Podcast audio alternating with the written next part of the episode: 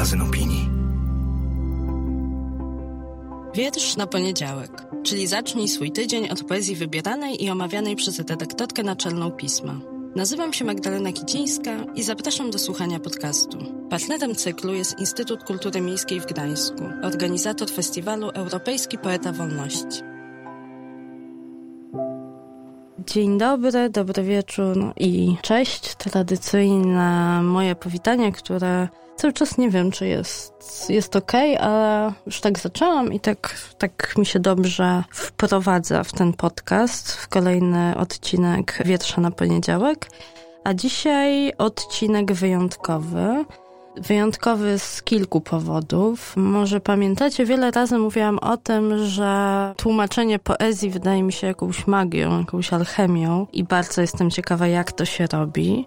I to jest powód, dla którego to wydanie podcastu Wiersz na poniedziałek również jest wyjątkowe, bo będę mogła o to wszystko zapytać tłumaczkę, laureatkę wielu nagród, ale i to jest ten moment, w którym powinny się pojawić fanfary. Nie wiem, czy jest taka możliwość, Kuba, żeby się tu pojawiły fanfary, więc fanfary.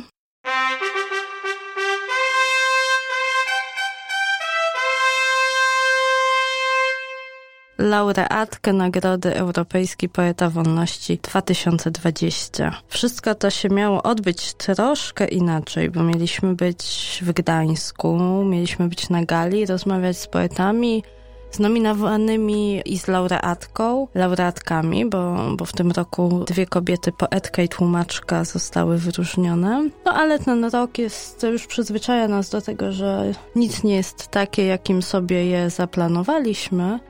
No więc spotykamy się kilka miesięcy później i rozmawiamy przez telefon, ale rozmawiamy i to jest najważniejsze, więc już nie przedłużając, zadam w końcu to pytanie, które zadać już dawno chciałam, to znaczy, jak to się robi, jak się zabiera do tłumaczenia poezji.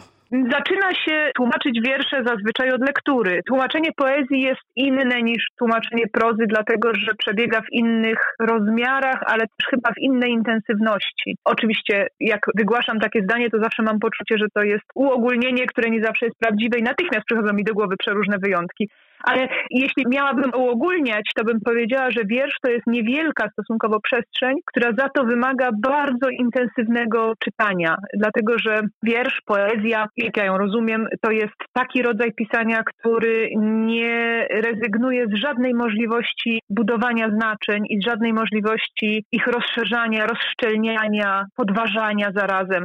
Więc wszystko jest podejrzane, wszystko trzeba prześwietlić i wszystko trzeba przemyśleć. Nie tylko tak zwany sens, czy tak zwane znaczenie, które w ogóle, jeśli chodzi o poezję współczesną, często jest znikliwy, prawda? Czy nawet można by powiedzieć, że wcale nie jest celem utworu, czy celem komunikacji literackiej w takim wypadku. Ale trzeba też spojrzeć i na konstrukcję, i na dobór słów, i na całe ogromne przestrzenie skojarzeń, które te słowa przywodzą. A czy to nie jest w takim razie pisanie nowego wiersza? Czy przekład nie jest zawsze tylko inspirowany oryginałem? Przecież każde słowo w poezji, w tej bardzo skondensowanej formie ekspresji literackiej, no ma bardzo, bardzo precyzyjnie określone znaczenie. A tutaj, kiedy szukamy polskiego słowa, polskiego wyrazu, czy to się udaje, czy to jest no właśnie interpretacja, czy reinterpretacja oryginału? Tłumaczenie zawsze jest interpretacją. Tłumaczyć to znaczy interpretować. Tłumaczyć komuś tekst to znaczy powiedzieć, o co w nim w naszej lekturze idzie, o co w nim gramy, albo o co w nim się bawimy, albo o co w nim walczymy. Więc w tym sensie absolutna zgoda. Każdy przekład utworu poetyckiego będzie napisaniem go od nowa. Ja mam tutaj bardzo ścisłe poglądy w tej sprawie. Ja jestem przekonana, że tłumaczenie literatury zwłaszcza wielkiej literatury, ważnej literatury, mądrej, pięknej, takiej, którą warto zachowywać, to jest rozmowa międzytekstowa, to jest rozmowa między twórcami. To jest coś, co się rodzi w dialogu. I w tym sensie każdy przekład zawsze będzie indywidualnym odczytaniem, ale zarazem będzie twórczą rozmową z tym kimś, kto tę rozmowę zapoczątkował, samemu pisząc tekst, albo też osnuwając swój tekst na czyimś tekście, bo przecież to nieprawda, że autorzy tak zwanych oryginałów tworzą ex nihilo. Bo tworzą z doświadczenia, ale tworzą też z lektur, ale tworzą też z przeżyć, prawda? Czyli z tego wszystkiego, co stanowi tkankę znaczenia w naszej egzystencji. A jak wygląda ta rozmowa w przypadku tłumaczenia tekstu kogoś, kogo już z nami nie ma, kogo nie można dosłownie zapytać, czy to słowo, czy ten sens, czy to wyrażenie jest tym najbliższym? Ja takich pytań nie zadaję. Nawet w przypadku Sinead Morrissey raz miałyśmy taką dyskusję na ten temat.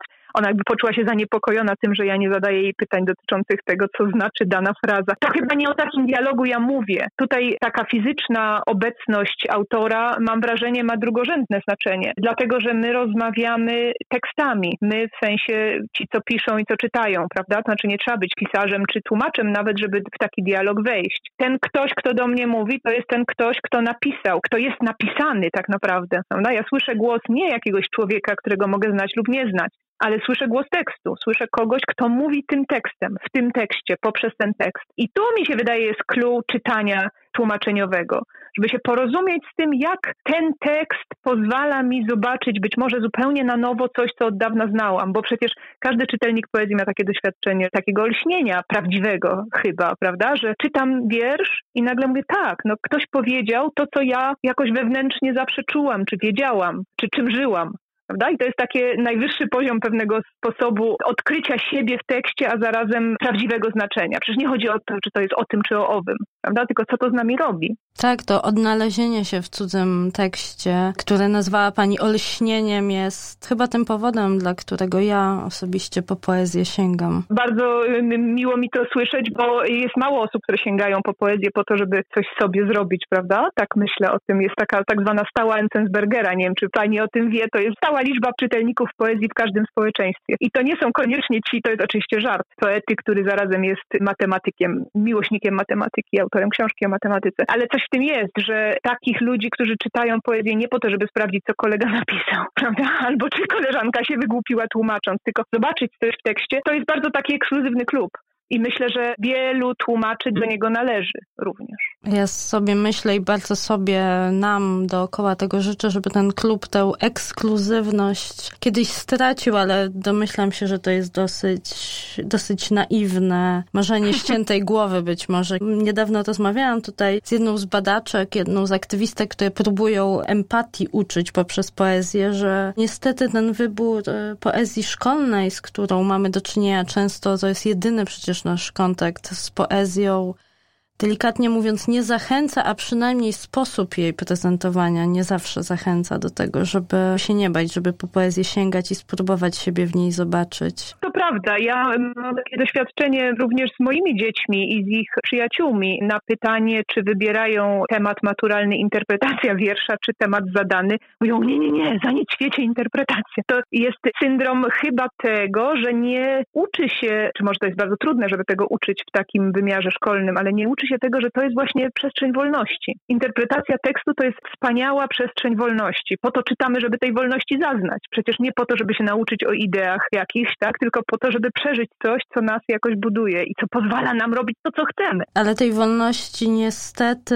nie służy klucz odpowiedzi maturalnych, no, tak. czy klucz odpowiedzi testowych, w którym no pewne hasła, tagi, słowa interpretacji tak. muszą się pojawić, żeby praca została zaliczona, co wydaje mi się jakimś koszmarnym nieporozumieniem, jeśli chodzi o poezję. Absolutnie. To jest mordowanie kompetencji czytelniczych i wrażliwości. Literatury się nie zamorduje, ale dzieciom się robi krzywdę. Straszną. A jeśli chodzi o, bo wspomniała Pani o tym, że tegoroczna laureatka, autorka tomu o równowadze trochę się niepokoiła, że Pani się do niej nie odzywa, pytając o różne słowa. Chciałam zapytać, jak wyglądała praca nad tym konkretnym tomem? To jest duże wyzwanie. Regulamin tego konkursu nakazuje przetłumaczenie całej książki. I to jest naprawdę duże wyzwanie, dlatego że czasem jest tak, że któryś z tekstów w danym tomie po prostu z nami nie chce gadać, a może my nie umiemy z nim porozmawiać. Zwykle jak się tłumaczy poezję, to się wybiera coś, co szczególnie jakoś do człowieka dociera, albo co tłumacz uważa za jakoś osobiście dla siebie czy dla swojej własnej twórczości ważne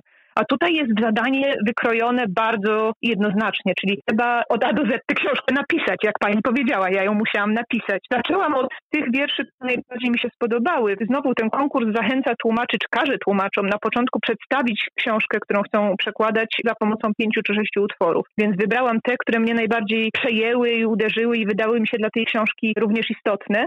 Natomiast to doświadczenie pracy nad całością pozwala zobaczyć pewien większy zamysł. Ten tomik, który nosi tytuł On Balance, to brzmi zupełnie jakby to był tytuł jakiegoś traktatu filozoficznego, proponuje nam liryczną panoramę różnych ujęć tego, co równowagą można by nazwać, takiego bardzo niejednoznacznego i szerokiego pojęcia. I wiersze w tym tomie zebrane pokazują, jak równowagę można sądować przeróżnych okolicznościach. Od średniowiecznych arabskich maszyn stworzonych przez genialnego inżyniera i opisanych w przepięknej księdze, która jest zabytkiem, po życie rodzinne, po stosunki społeczne. Jest kilka wierszy o cyrku, bardzo takich przejmujących. I jest przepiękny wiersz, który od początku zrobił na mnie wielkie wrażenie, który jest opisem pierwszej irlandzkiej lotniczki, która mało tego, że pierwsza latała jako kobieta w 1910 roku, to jeszcze sama skonstruowała samolot. Więc ten motyw równowagi jest bardzo różny. A, jeszcze jest cykl wierszy poświęcony przyrodzie, liczne wiersze, w których przyroda odgrywa ważną rolę i taki balans, równowaga sił w przyrodzie jest tam przemyślana. Więc to jest tom, który jako całość i właśnie dlatego, że go przeczytałam i przepracowałam jako całość, teraz to widzę wyraźnie, jako całość jest takim wielkim ćwiczeniem tego, jak równowaga jest, nie jest dana, tak? tylko wymaga od nas nieustannej pracy, wymaga od nas pewnego zaangażowania i obserwacji, gdzie jest zaburzona. Dzięki temu to pojęcie równowagi, mam wrażenie, dotarło do mnie jako do czytelniczki tej książki jako pewna wartość, tak? jako coś, co jest nieoczywiste, a niezbędne. Ja też właśnie w ten sposób ten tomik odczytuję jako w tym sensie traktat filozoficzny, że zostawił mnie z przykazem, przykazaniem stałej uważności i, i wyłapywania tych momentów, kiedy równowaga się zdarza, bo ona się zdarza, przychodzi, odchodzi i, i czasami jest ukryta w tak drobnych elementach rzeczywistości, że łatwo ją przeoczyć. I miałam takie wrażenie, kiedy wybierałam do pisma, do druku przed paroma miesiącami jeden z tekstów, to były jasełka, w której scena pozornie zwykła, jedna z wielu, no może niecodzienna, bo nie, niecodziennie się przedstawienie tego typu obserwuje, natomiast też łatwa mimo wszystko do przeoczenia w jakiejś zawieruszy codzienności. I to uchwycenie tego momentu, które no właśnie tuż po uchwyceniu czasami znika, bardzo jakoś na mnie, na mnie zadziałał i, i, i w całym tym tomie kilka takich tekstów, które ten, ten drobny element świata, sytuację jedną czy jedno spojrzenie wyłapują, dla siebie znalazłam. Więc bardzo dziękuję, że za pośrednictwem pani mogłam, mogłam te teksty czytać po polsku. No bardzo dziękuję. Miło mi to słyszeć, żebyśmy tak Sinead Morrissey nie zagłaskały i nie myślały o niej tylko w takich kategoriach, że jest taką odnajdywaczką drobnych prześwitów większego znaczenia, prawda, czy takiej uważności. To oczywiście jest szalenie istotne. To ja chciałam jeszcze powiedzieć, czy dodać, że to jest tom o niezwykle mocnym przesłaniu feministycznym. To jest tom, który traktuje również o tej równowadze między płciami, czy między genderami i o tym, w jaki sposób tutaj mamy wciąż bardzo dużo do zrobienia i znowu, żeby nie przesadzić, tak, to nie jest tom, który miałby jakąś agitacyjną moc w sobie. Nie, to jest mądry namysł nad tym, ale jest wiele wierszy, w których życie kobiet, sytuacja kobiet, pokazanie miejsca, w którym znalazły się kobiety, czy znajdują się kobiety, jest bardzo starannie i boleśnie czasami pokazany. Także myślę, że to pod tym względem również jest niezwykle ważna książka. I myślę, że dlatego też była moją cichą faworytką w tegorocznej edycji. O. Więc bardzo się cieszę, bo to już jest drugi raz z rzędu, kiedy udało mi się prywatnie wytypować laureatkę. A, no proszę.